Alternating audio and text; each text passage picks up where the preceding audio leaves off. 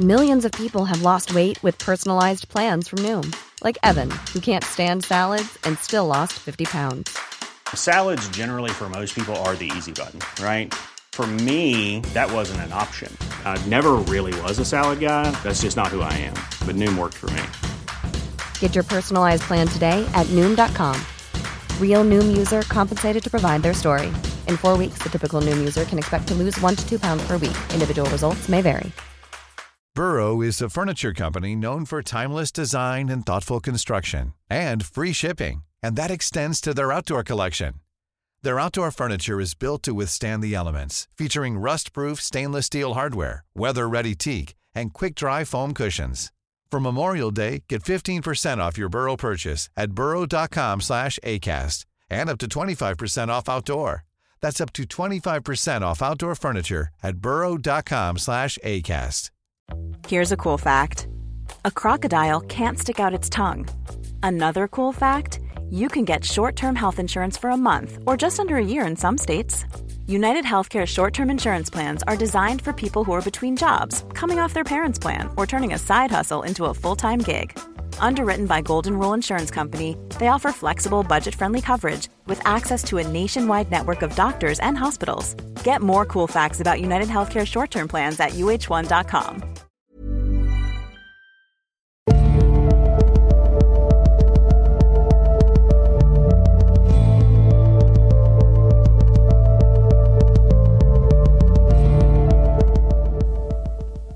og velkommen til Tåkeprat. Jeg heter Even, og når jeg tar opp denne episode 85, så er det den 1. desember 2018.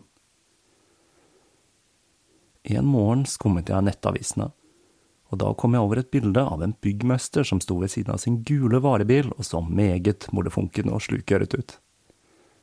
Han var blitt anmeldt for grov diskriminering, og etter jeg så hvorfor, så holdt jeg på å ramle av stolen.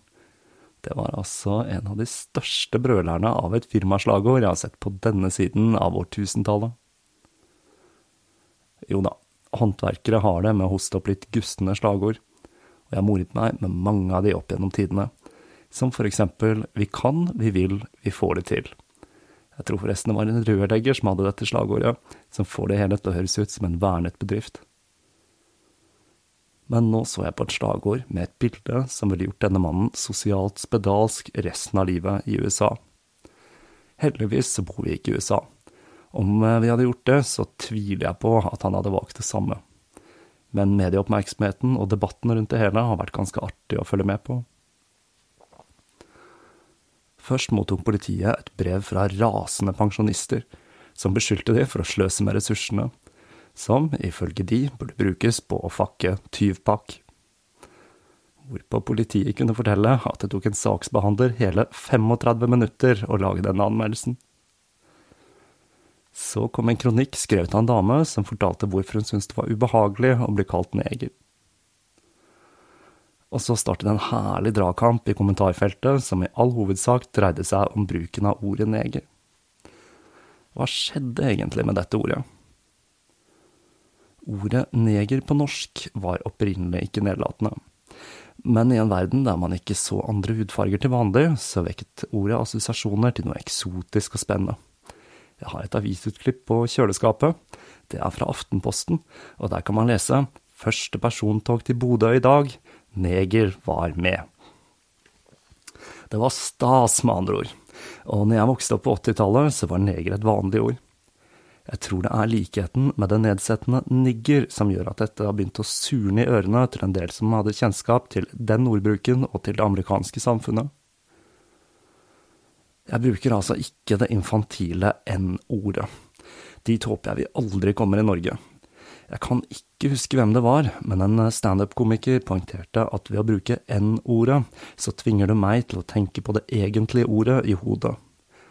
Ord er i seg selv ikke magiske, og det er betydningen vi legger i det som er avgjørende, ikke ordet i seg selv. Men flere og flere oppfatter neger som støtende, og ordet er nå faset ut av dagligtalen, og det er helt ok. For meg så er det et gammeldags ord som ikke lenger er nødvendig, og ordet er et jeg stort sett hører eldre bruke, og et som nærmest har en komisk under, undertone, fordi jeg får assosiasjoner til en tid der å se en med en annen hudfarge var så spesielt at det førte til avisoverskrifter. Men i sakens kjerne så finner vi ikke ordet neger, men negerarbeid. Med dette uttrykket så insinuerer man at folk med en annen hudfarge ikke har det intellektet som kreves for å gjøre annet enn fysisk arbeid, og det er jo ikke bra. For mitt indre øye så ser jeg for meg Neil deGrasse Tyson riste oppgitt på hodet. Bildet han har valgt ut til å illustrere slagordet, som er Vi hjelper alle og utfører alt i negerarbeid, ser ut som noe som er sakset ut av Tintin i Kongo. Et tegneseriehefte fra 1931 som skapte en del furore på 2000-tallet pga. sin karikerte fremstilling av kongolesere. Ord som blir forbudt å si, det er noe som fascinerer meg. Jeg har sagt det tidligere her i Tåkeprat, jeg har aldri helt forstått hvorfor sigøyner ble stygt. Jeg var av den oppfatning at det er enkelte grupper i den folkegruppen som selv omtaler seg som sigøynere. Men jeg er klar over at det engelske gypsy nå regnes som stygt, og det kan jo tenkes at det har noe med saken å gjøre.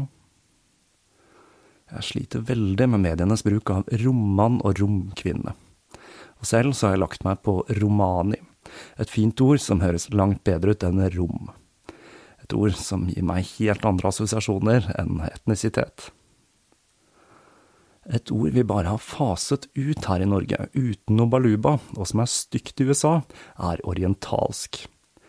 Jeg kan i hvert fall ikke huske at jeg har hørt noe negativt om det her til lands. Ordet vekker assosiasjoner til Fu Manchu, en kinesisk superskurk som skaperen Saks Romer fant på etter han hadde spurt Ouija-brettet sitt om hva den største trusselen mot hvite mennesker var, og svaret han fikk, det var kinesere. I rollen som Fu Manchu i filmatiseringen fra 1965 finner vi for øvrig sjefsvampyr Christopher Lee i hovedrollen. Det var andre tider, og verden var annerledes og derfor syns jeg det å sensurere og skrive om bøker som Mark Twains Tom Sawyer er helt tragisk og smaker av historieforfalskning. Ting var veldig mye mer rasistisk for 100 år siden, spesielt i land som USA. Slaveriet var langt fra slutten på visa, men en påfølgende rasekonflikt og dype sår som fremdeles ikke er leget, fulgte etter. Og følelsene der, de sitter dypt. Så jeg har absolutt en forståelse for at bruken av ordet neger kan virke støtende på mennesker som har en bakgrunn fra det amerikanske samfunnet, og fra en rasekonflikt som er veldig fremmed for meg. Jeg kan delvis også forstå hvorfor man har valgt å skrive om Pippi Langstrømpe.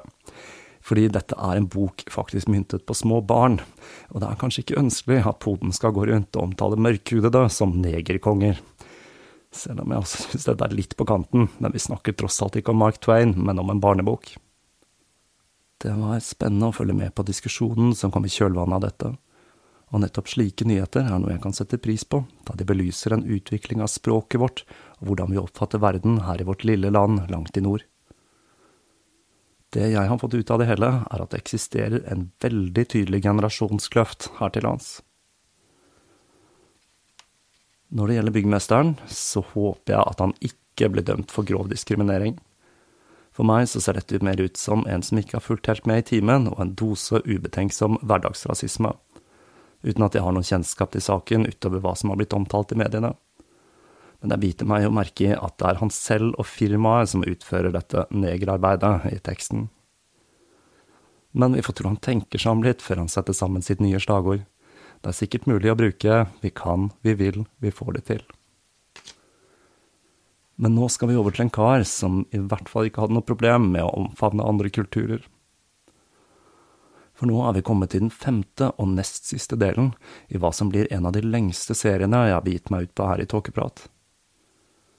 Som med alle seriene mine så fordyper jeg meg mer og mer i tematikken jo lenger ut i serien jeg kommer, og nå begynner jeg å danne meg et veldig tydelig bilde av Gerald Garner og det er mulig jeg begynner å bli litt skrullete av å ha mannen så nært på meg.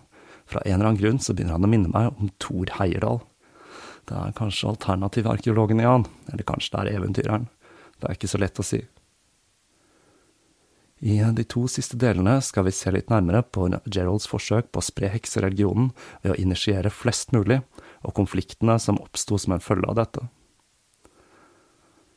Et artig artig element som dukker opp igjen og igjen i denne fortellingen, er at til tross for at Gerald var morsom, intelligent og hadde en nærmest fotografisk hukommelse, så manglet han fullstendig karisma.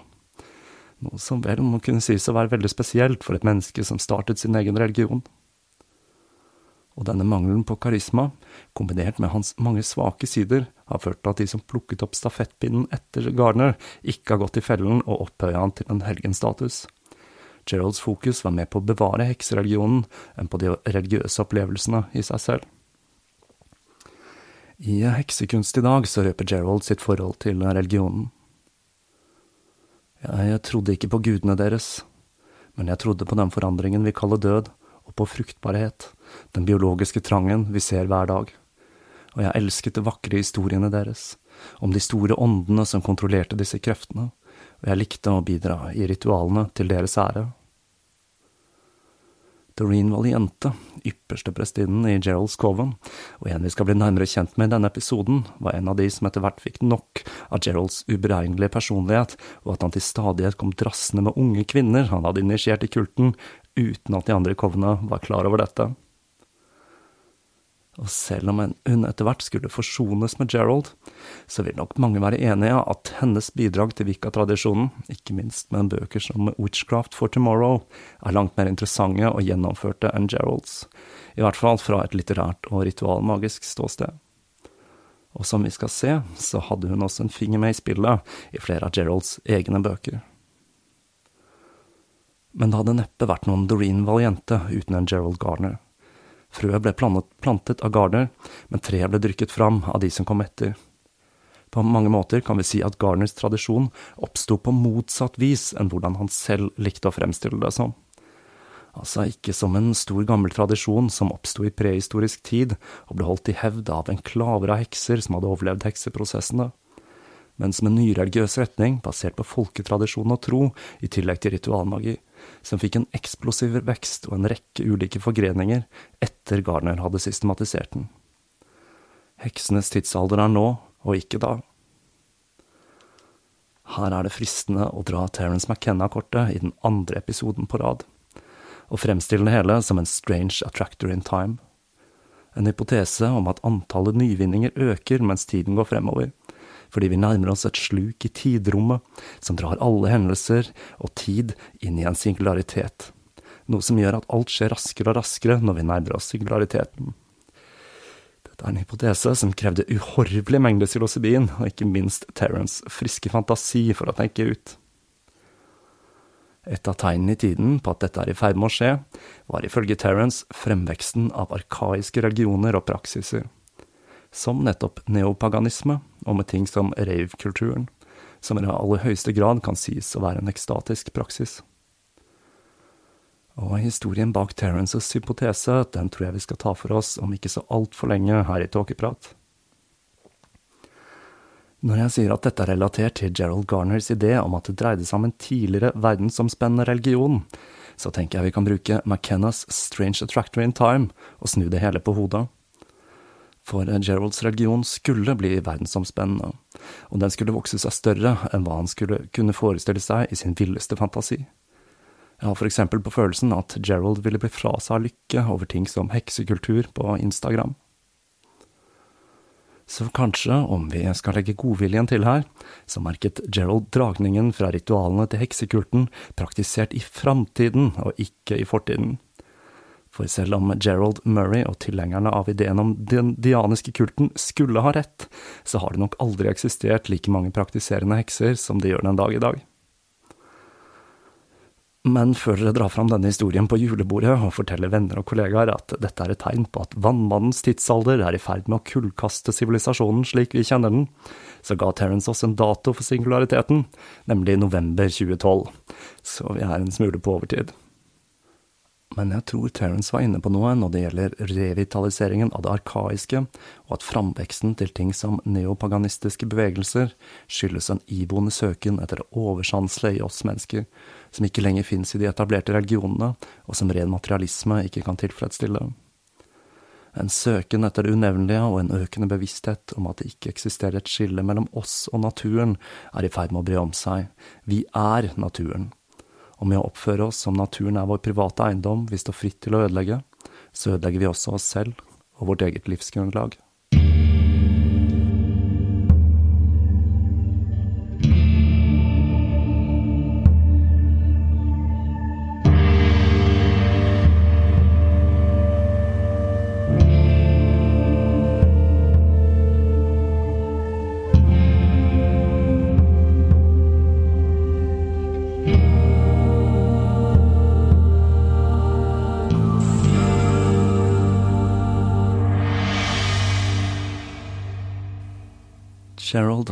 Lyst til å skrive en bok basert på hva han hadde lært om heksekulten, som ikke var skjønnlitteratur.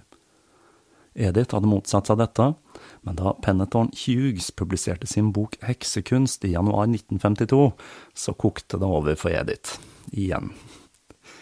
Hughes, som hadde en bakgrunn som historielærer, og som jobbet som produsent for BBC, baserte seg også på den vesteuropeiske heksekulten men han omtalte heksene i nedlatende ordelag, for de ble omtalt som en perverse, degenererte spåkoner som forsøkte å holde en død tradisjon levende og krevde å bli kalt for hekser.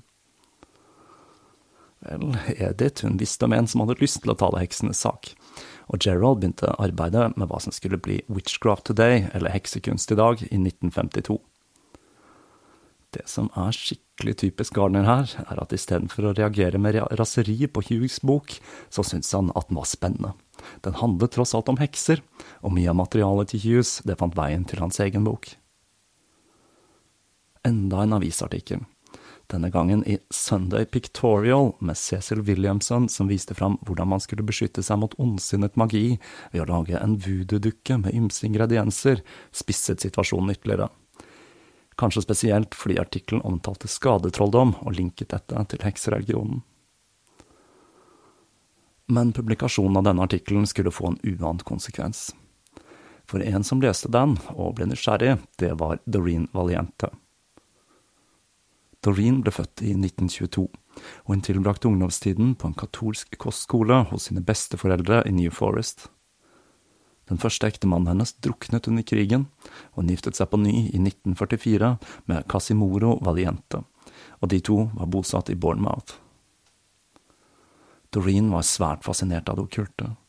Hun hadde til og med fått tak i en samling med Golden Dawn-manuskripter og magiske redskap, fra enken til en nylig avdød doktor. Enken hadde tenkt til å brenne disse da hun var redd for de, og Doreen så sitt snitt til å skaffe seg en samling med unike manuskripter, i tillegg til 28 bøker og flere magiske duppeditter. Da hun kom over artikkelen i Sunday Pictorial og leste om Covenant i New Forest, så ble nysgjerrigheten hennes pirret. Kanskje det fremdeles fantes hekser der. Hun tok kontakt med Cecil Williamson, som videresendte brevet til Gerald. Og hva skal vi si, resten er historie. Hun ble invitert til New Forest senesten 1952, hvor hun ble introdusert for Edith og Gerald. Edith fortalte at hun hadde sluttet å praktisere da hun var gammel, og helsen ikke lenger tillot at hun deltok. I tillegg så var hun bekymret for all den negative presseomtalen, hun var redd at dersom det ble kjent at hun var en heks, så ville dette gå utover lærerjobben hennes. Doreen og Gerald holdt kontakten, og hun ble initiert i juli 1953. Geralds nye bok, Heksekunst i dag, er på mange måter Gerald Gardners magnum opus. Denne gangen skulle han ikke betale for publikasjonen ut av egen lomme, men han fikk en kontrakt med forlaget Ryder Co. via Gerald York. Igjen så fikk han hjelp til å redigere og sette sammen teksten, og nå av hans gamle venn Ross Nichols som eh, hjalp han med dette. Toppen på kransekaka var at han fikk ingen ringere enn Margaret Murray selv til å skrive forordet i boka. Men heksekunst i dag er langt fra noen ren dokumentasjon om heksenes praksis i samtiden, slik den opprinnelige ideen var. Igjen så tok Geralds entusiasme over, og mindre enn 10% av boka handler om personer og hendelser Gerald faktisk kjente til. Han utgreier om sine egne teorier om heksenes historie, fra steinalder og frem til i dag. Noe som sikkert får dere religionshistorikere og arkeologer der ute til å korse seg. Gerald så sitt snitt til å skrive om flere av favorittemnene sine, som druider, småfolk og tempelriddere. Han koste seg med å trekke paralleller mellom ritualene til heksene og de man fant hos de gamle grekerne og romerne. Av ritualene i boka finner vi enkelte som er skrevet av Doreen Valiente, uten at det utdypes. Og ikke minst så finner vi ritualene fra høymagiens hjelper, mer eller mindre ordrett fra Geralds roman. Det samme gjelder historien om dame Alice Tyler, som er tatt fra Margaret Murrays bok. Boka fikk forståelig nok en del kritikk for enkelte ville spekulasjoner, men den gjorde det bra, og i 1958 hadde den solgt 5500 eksemplarer. Boka regnes av mange som en klassiker innen feltet den dag i dag, på samme måte som den vesteuropeiske heksekulten. Og dette er kanskje en bok som kan være verdt sin egen episode en gang i framtiden. Uansett, med publikasjonen av Heksekunst i dag fikk Gerald mer publisitet, og han begynte å bli en ettertraktet foredragsholder, for talegavene hans, de var det ingenting feil med. Dette skulle også starte hva som var en slags forløper til 80-tallets Satanic Panic, da The Sunday Pictorial igjen publiserte en serie, denne gangen i fire deler og skrevet av Peter Hawkins. Denne handlet om sort magi og djeveldyrking i Storbritannia. I serien kunne man blant annet lese historien til en kvinne fra Birmingham som hevdet å være en heks som hadde brutt med kovenet sitt, selv om det hun beskrev hørtes mest ut som voodoo. Og denne kvinnen skulle vise seg å være en politiinformant som var kjent for å være mentalt ustabil. Den siste delen av serien den handlet om Gerald, og fremstilte han som en som forsøkte å hvitvaske heksekunst for å lokke til seg godtroende til perverse djeveldyrkingsritualer. Når Gerald leste artikkelen, så ble han helt satt ut. Han fortalte Doreen at reporteren som hadde intervjuet han, hadde virket så hyggelig at han hadde ant fred og ingen fare. Artikkelen førte, eh, førte, til politietterforskning, og rettet søkelys mot Gerald, da kvinnen fra Birmingham hevdet at Gerald var den nasjonale lederen for kulten, og at han sammen med enken til Alistair Crowley sto bak et drap i 1945. I tillegg så førte dette til en rekke sosiale problemer for Gerald og Donna. Men all publisitet er god publisitet, og artikkelen førte til at museet ble nedrent av folk som var interessert i arbeidet til Gardner. Man fikk så mye fanpost at postmannen enkelte dager hadde en egen postsekk bare til Gerald. Og det aller, aller meste var fra folk som ville dele sine egne historier om folklore og personlige, overnaturlige hendelser. Og akkurat som i artikkelen som tiltrakk Doreen, så skulle en annen svært viktig figur i historien om Gerald få vekte interessen av denne artikkelen. Denne gangen en 28-årig selger som bodde i Crossfield Road. This Mother's Day, celebrate the extraordinary women in your life with a heartfelt gift from Blue Nile. Whether it's for your mom, a mother figure, or yourself as a mom, find that perfect piece to express your love and appreciation. Explore Blue Nile's exquisite pearls and mesmerizing gemstones that she's sure to love. Enjoy fast shipping options like guaranteed free shipping and returns. Make this Mother's Day unforgettable with a piece from Blue Nile. Right now, get up to 50% off at BlueNile.com. That's BlueNile.com. Burrow is a furniture company known for timeless design and thoughtful construction and free shipping, and that extends to their outdoor collection. Their outdoor furniture is built to withstand the elements, featuring rust-proof stainless steel hardware, weather-ready teak, and quick-dry foam cushions. For Memorial Day, get 15% off your Burrow purchase at burrow.com slash ACAST and up to 25% off outdoor. That's up to 25% off outdoor furniture at burrow.com slash ACAST. Som var interessert i ritualmagi, Jack Bracelin. som i dag nok er mest kjent som forfatteren av Garner-biografien Gerald Garner Hex, en bok vi skal se litt nærmere på i siste episode. Artikkelen hadde ikke en avskrekkende virkning på Jack, snarere tvert imot. Han bestilte en utgave fra sitt lokale bibliotek, og han og kjæresten leste den fra perm til perm, og begge satt igjen med en følelse av å ha funnet det de lette etter. Kjæresten til Jack, med heksenavnet Dionis, blir beskrevet som en karismatisk dame med et alvaktig utseende, og Gerald skulle selvsagt senere hevde at hun kom fra en lang linje med hekser. I dette tilfellet så har vi det faktisk fra damen selv at dette ikke stemmer i det hele tatt. Jack tok kontakt med forfatteren, og det gikk ikke så lang tid før de ble invitert til leiligheten til Gerald i London. Og det gikk heller ikke lang tid derfra til de to ble initiert. Denne initieringen var altså den siste hvor Barbara Vickers deltok, til tross for at Doreen hadde vært Geralds ypperste prestinne siden 1953, og dette skyldtes nok delvis avstand, men også en økende splittelse som var begynt å oppstå mellom Doreen og Gerald. Jack og Dionis omtalte Doreen som hun som må adlydes, og refererte kun til henne med hennes magiske navn Ahmet. Doreen på sin side hadde nok lite til overs for de to, siden de hadde blitt initiert uten hennes godkjenning. Kovene som var basert rundt Five Acres og heksehytta, vokste, og Gerald begrenset til og med sine utenlandsturer for å initiere nye mennesker i kovene ettersom aktivitetene tiltok. Et eh, par nevnverdige individer her er Fredrik Lamont og Jacqueline. De to tilhørte The Progressive League, som var en antifascistisk organisasjon som hadde blitt grunnlagt i 1932, og som sto for ting som pasifisme, sosialisme, utdannelse, naturisme og fri kjærlighet. En av favorittsyslene til denne gruppen skulle visstnok ha vært naken folkedans. Fredrik hadde kommet over heksekunst i dag, og dette førte til at han tok kontakt med Gerald og møtte han i 1956, sammen med en kollega fra The Progressive League, som var Jacqueline. Han begynte å delta på møter i Covenant, og de to ble initiert i begynnelsen av 1957. Rex Welleby, mannen som eide landområdene til Five Acres, ville kvitte seg med eiendommen da han var over 80 år og følte tiden var inne for å legge inn årene. Gerald så sitt snitt til å skaffe seg mer kontroll over klubben, men da han og Rex hadde vært gjennom noen runder med krangel tidligere, så fikk han en mystisk kvinne, Mrs. Seth, til å tilby kjøpesummen på 1900 pund. Gerald måtte jo etter hvert innrømme at den mystiske Mrs. Seth var ingen andre enn Doreen Valiente, men han fortalte Rex at Doreen var en venn av Donna.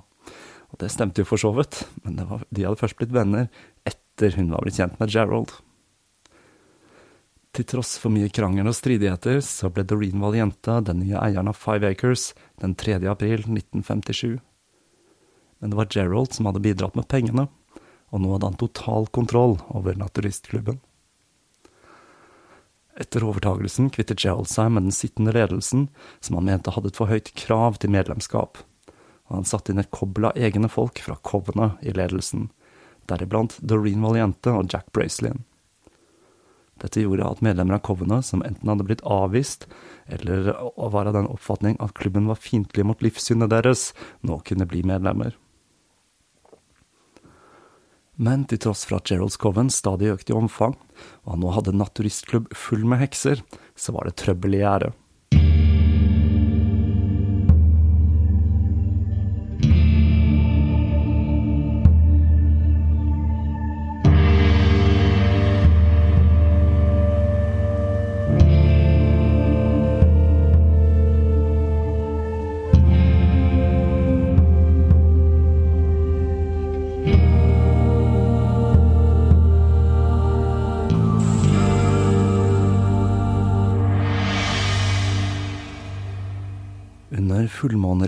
I mars 1957 dukket ikke de eldre medlemmene i Covenant opp, og Gerald så seg nødt til å gjennomføre ritualet med kun de nyeste medlemmene til stede.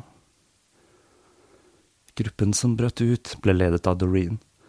De hadde sett seg lei av Geralds stadige uttalelser til pressen, uforutsigbare innvielser av personer som han hadde kommet i kontakt med, og hans rundhåndede utdeling av høyere grader.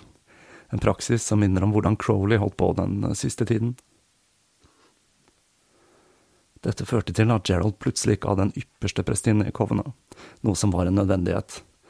Og for å bøte på det, så bestemte han seg for å innvie Dionis i de nødvendige gradene for å kunne bli Kovnets ypperste prestinne. Denne gangen så forsøkte han i alle fall å gjøre ting på riktig måte, og han tok med seg Dionis til Edith for godkjenning. Edith ga tydeligvis sitt ok, for like etter så ble hun innviet til de manglende gradene på én og samme kveld. Noe som er litt, eh, hva skal vi si, uortodokst. Men han hadde jo tross alt òg litt tid, da. Til tross for at Doreen og de som hadde forlatt Gerald sammen med henne, hadde fortalt han at en av hovedårsakene til at de hadde valgt å bryte med covene, var at han med sine mange presseopptredener var med på å helle bensin på det heksebollet som var i ferd med å tennes i den nasjonale pressen, så fortsatte Gerald i samme tralten. Hun ble rasende når en artikkel Gerald hadde skrevet selv, dukket opp i ukebladet Weekend, med et bilde av han sittende i en sirkel med et sverd, rettet mot hva magasinet beskrev som merkelig, en merkelig flaggermusvinget demon. Jeg tror jeg vi kan tenke på en slags britisk utgave av Se og Hør. Gerald forsøkte å vri seg unna Doreens vrede ved å sy sammen en historie om hvordan reporterne hadde blitt sendt til han av foreleggeren hans, Riders. Doreen svakte ikke den historien, og etter å ha tatt kontakt med manageren til Gerald, så skulle det vise seg at magefølelsen hennes hadde rett, og at det var Gerald selv som hadde kontaktet ukebladet. Jeg tror vi kan slå fast at enda et gjennomgangstema i denne fortellingen, i tillegg til våpen og naturisme, er sinte damer. Først Edith, og nå Doreen. Og så kom et skikkelig høydepunkt i denne konflikten. I begynnelsen av juli 1957 så sendte Doreen ut en liste med 13 regler, med tittelen Forslag til regler for praksisen. Disse reglene røper hvor skoen trykket for Valiente. Jeg skal ikke ta for meg listen i sin helhet, men det første punktet lyder som følger. Ingen medlemmer kan initiere personer som ikke har blitt intervjuet og akseptert som passende av minst to medlemmer av de øvre gradene. Dette var en helt klar motreaksjon på Geralds mange impulsive initieringer, og ikke minst at han ga folk høye grader i hytt og gevær uten den nødvendige opplæringen. Ikke minst var en del av disse initieringene Gerald gjorde på egen hånd, skal vi si ganske tvilsomme, og det er noe vi skal se litt nærmere på i neste episode. Dokumentet understreker også at ingen medlemmer kan snakke med pressen og gi ut informasjon uten at dette er godkjent av de eldste i gruppen. I tillegg kunne man lese at dersom det oppsto klager pga. oppførselen til et individ i Kovna, eller om personer benyttet seg av nye teknikker uten godkjenning, så kunne dette føre til utvisning. Dokumentet gjør det helt klart at disse reglene gjelder alle, uavhengig av grad og status.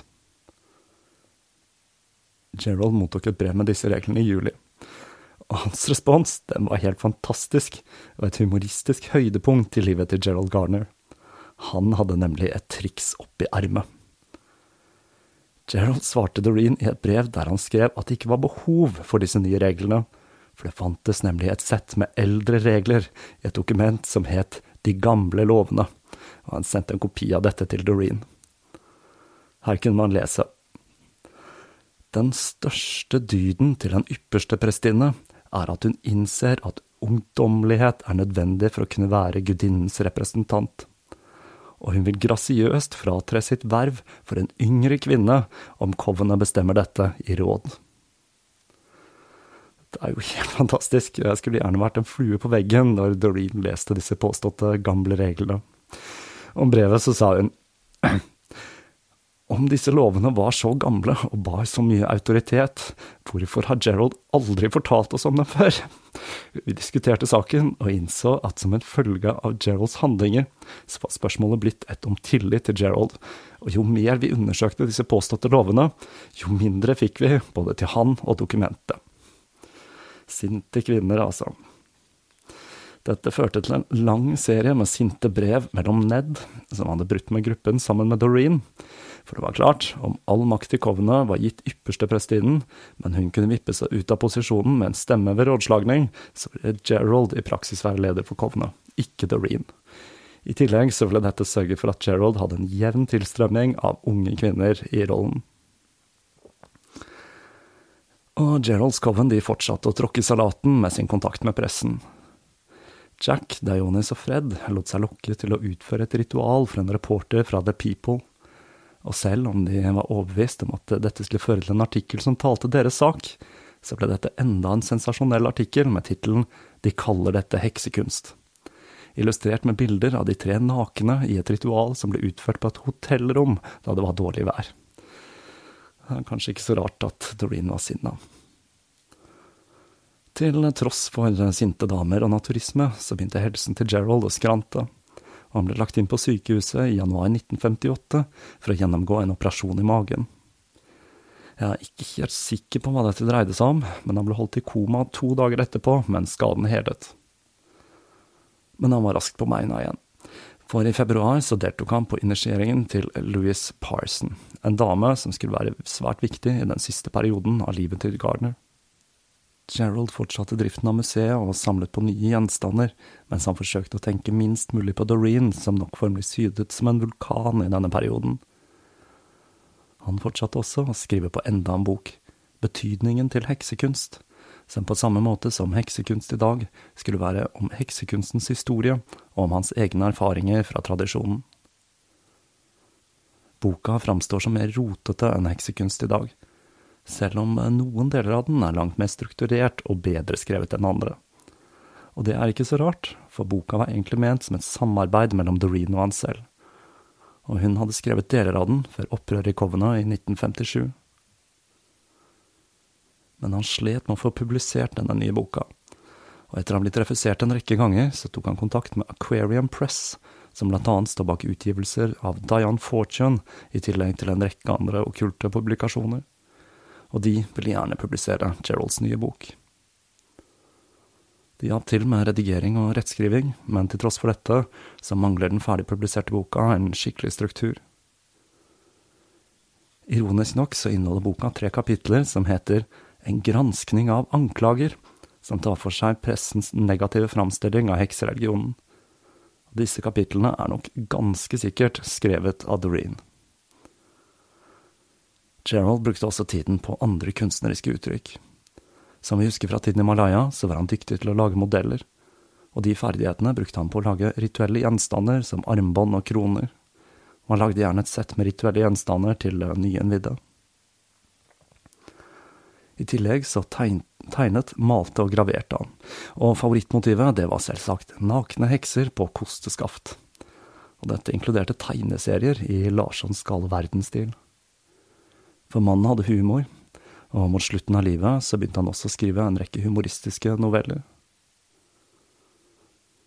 Gerald med sine bøker og sitt museum tiltrakk seg en rekke nysgjerrige sjeler med en historie å fortelle, og han skulle ha fått kontakt med en rekke ulike grupper av diverse hekser og esoteriske ordener. En av disse på Island, uh, Island Man var en gruppe med hekser som var ganske spesielle. De utførte nemlig ritene sine i seremoniell bekledning, vil si med klær. I en serie som er så naturisttung som dette, så er jo det ganske spektakulært i seg selv. Uansett, en person han kom i kontakt med, og som ble med i det lokale covenet Gerald startet opp på øya, var Angus MacLeod. Han var britisk, men hadde bosatt seg på Isle of Man i 1949. Denne mannen, som var utdannet ingeniør, og som var med å arrangere en vikingfestival på øya, bestemte seg for å slutte i yrket for å leve som kunstner og når han møtte Gerald, så fikk han en deltidsjobb ved museet for å spe på inntekten sin. De to ble gode venner. Gerald ville gjerne at Angus skulle overta museet når han falt fra, men Angus var ikke interessert i dette. Men han arvet en av Geralds mest ettertraktede magiske tekster, hans skyggebok, også kjent som den mystiske Tekst D. Flere initieringer skulle finne sted på Isle of Man, en skotte, Charles Clark, hadde lest om Gerald og tok kontakt med han, og Gerald initierte han når han besøkte øya i 1954. Det som er litt spesielt her, er at det var Donna som opptrådte som ypperste prestinne under initieringen. Som vi har sett, så var ikke hun interessert i heksreligionen, men da Gerald ikke hadde noen prestinne tilgjengelig, så initierte han henne i de nødvendige gradene for å kunne gå gjennom seremonien. Det er grunnen til at gravsteinen hennes bærer symbolet for den øverste graden i Vika. Clark var svært entusiastisk, og han begynte å spre budskapet i Skottland. Forholdet mellom Clark og Gerald var svært nært, og Gerald lot han ta seg av alle brevene som ble sendt til museet, gjerne så mange som hundre i uken. Men på grunn av interne stridigheter så brøt han med praksisen i 1961, og Gerald og Lois fortsatte opplæringen av covene hans via brevkorrespondanse. Gerald skulle etter hvert gjennomføre flere initieringer i dette covenet for å gjøre det selvdrevent. Blant annet så initierte han Monique Wilson til den øverste graden, og lot henne overta jobben med å lese brev fra museet. Og ingen ny religion er komplett uten et bryllup. Og på samme måte som vi husker om det første sataniske bryllupet fra serien om Anton Lavey, så skapte det første offentlige heksebryllupet, eller håndbindingen, utført av Gerald, en del furore i pressen. De to som giftet seg, var Arnold og Patricia Crowther. Arnold var jo den som hadde introdusert Gerald for Alistair Crowley, og de to hadde senere blitt initiert av Gardner. Arnold og Patricia skulle uforvarende være med å skape en ny gren av Vikka, før det var noe som het Vikka i det hele tatt. De hadde nemlig blitt oppsøkt av en Alex Sanders, som sa han var interessert i heksekunst, men aldri hadde klart å få kontakt med en gruppe. De inviterte han, og han kom på besøk tre ganger, men til slutt så besluttet de at han ikke var egnet for initiering. Han burde sikkert heller ha oppsøkt Gardner, som var litt mer rundhåndet med initieringene, for Sanders han fant seg ikke dette, og han startet sin egen gruppe som etter hvert skulle bli kjent som Aleksandrisk Vikka. Og de drev med aktiv rekruttering. Her lukter det litt eh, ugler i mosen, for den magiske grunnteksten til Aleksandrisk Vikka er slående lik Gardner sin, og det skyldtes nok at han hadde fått lånt en utgave av Geralds skyggebok, som aldri ble levert tilbake. Det føles kanskje litt ut som et antiklimaks når man finner ut hvorfor Aleksandrisk Vika heter nettopp Aleksandrisk Vika. Navnet vekker assosiasjoner til Alexandria og gammel tapt kunnskap. Men navnet skyldes rett og slett at grunnleggeren hadde det ordinære britiske navnet Alex. Gerald skulle også lyktes i å spre religionen i USA, han kom i kontakt med en engelskmann som senere skulle emigrere til Long Island, Ryman Buckland, i 1962. I 1963 fikk Buckland et tidagers lynkurs av Monique Wilson, og ble initiert i de høyeste gradene, slik at han kunne initiere sin kone Rosemary og starte sitt eget coven i Statene. Og dette skulle han lykkes i. De aller fleste garnerianske hekser i USA i dag kan spore linjen sin direkte tilbake til Ryman og Rosemary Buckland. Dette var Gerald Gardners gullalder. Jeg har bare tatt for meg toppen av isfjellet her, og noen av de aller viktigste menneskene han møtte og initierte. Han hadde lyktes i å etablere en rekke covens på de britiske øyer og i USA. Hekser ble ikke lenger forbundet med eventyr og hekseprosessene, men de representerte en levende religion frontet av Gardner og Murray. Og Gardner hadde til og med fått en konkurrent i Alex Sanders. Riktignok så var han uvenner med Doreen, men ellers så ting lyst ut for Gerald, som koste seg i rampelyset og hadde en flott tilværelse på Isle of Man, hvor han underholdt museumsgjestene med historier og skrøner fra sine mange reiser og sine mange teorier om heksekunst. Men i neste episode så skal vi se at det kanskje var enda en grunn til at Doreen var litt muggen og at Gerald kanskje hadde noen svin på skogen når det gjaldt disse litt i overkant raske én-til-én-initieringene sine for Gerald var i ferd med å gå i honningfellen.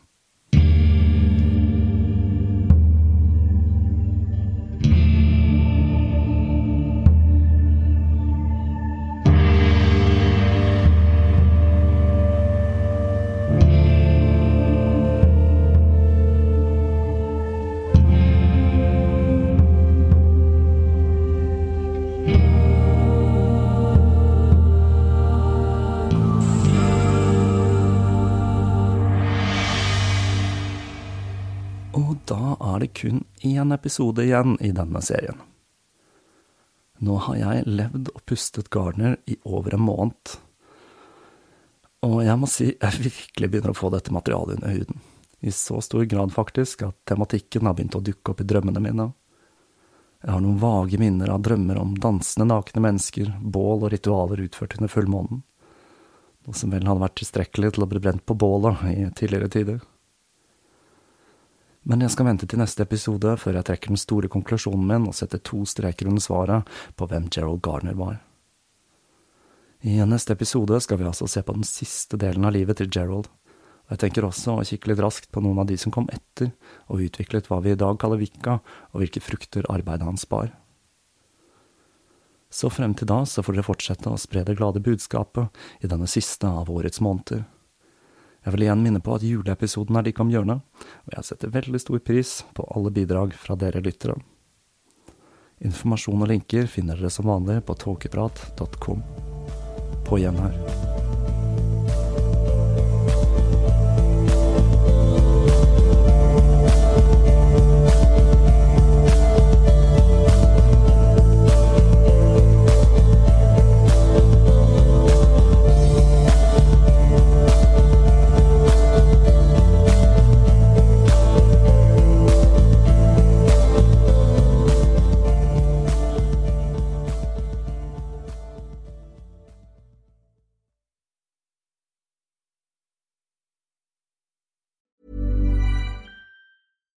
Hi, I'm Daniel, founder of Pretty Litter. Cats and cat owners deserve better than any old fashioned litter. That's why I teamed up with scientists and veterinarians to create Pretty Litter. Its innovative crystal formula has superior odor control and weighs up to 80% less than clay litter. Pretty Litter even monitors health by changing colors to help detect early signs of potential illness. It's the world's smartest kitty litter. Go to prettylitter.com and use code ACAST for 20% off your first order and a free cat toy. Terms and conditions apply. See site for details. Planning for your next trip? Elevate your travel style with Quince. Quince has all the jet setting essentials you'll want for your next getaway, like European linen, premium luggage options, buttery soft Italian leather bags, and so much more. And is all priced at 50 to 80% less than similar brands. Plus, Quince only works with factories that use safe and ethical manufacturing practices. Pack your bags with high-quality essentials you'll be wearing for vacations to come with Quince. Go to quince.com slash pack for free shipping and 365-day returns. Hey, it's Paige DeSorbo from Giggly Squad. High quality fashion without the price tag. Say hello to Quince. I'm snagging high-end essentials like cozy cashmere sweaters, sleek leather jackets, fine jewelry, and so much more. With Quince being 50 to 80% less than similar brands. And they partner with factories that prioritize safe, ethical, and responsible manufacturing. I love that. Luxury quality within reach. Go to quince.com slash style to get free shipping and 365 day returns on your next order. Quince.com slash style.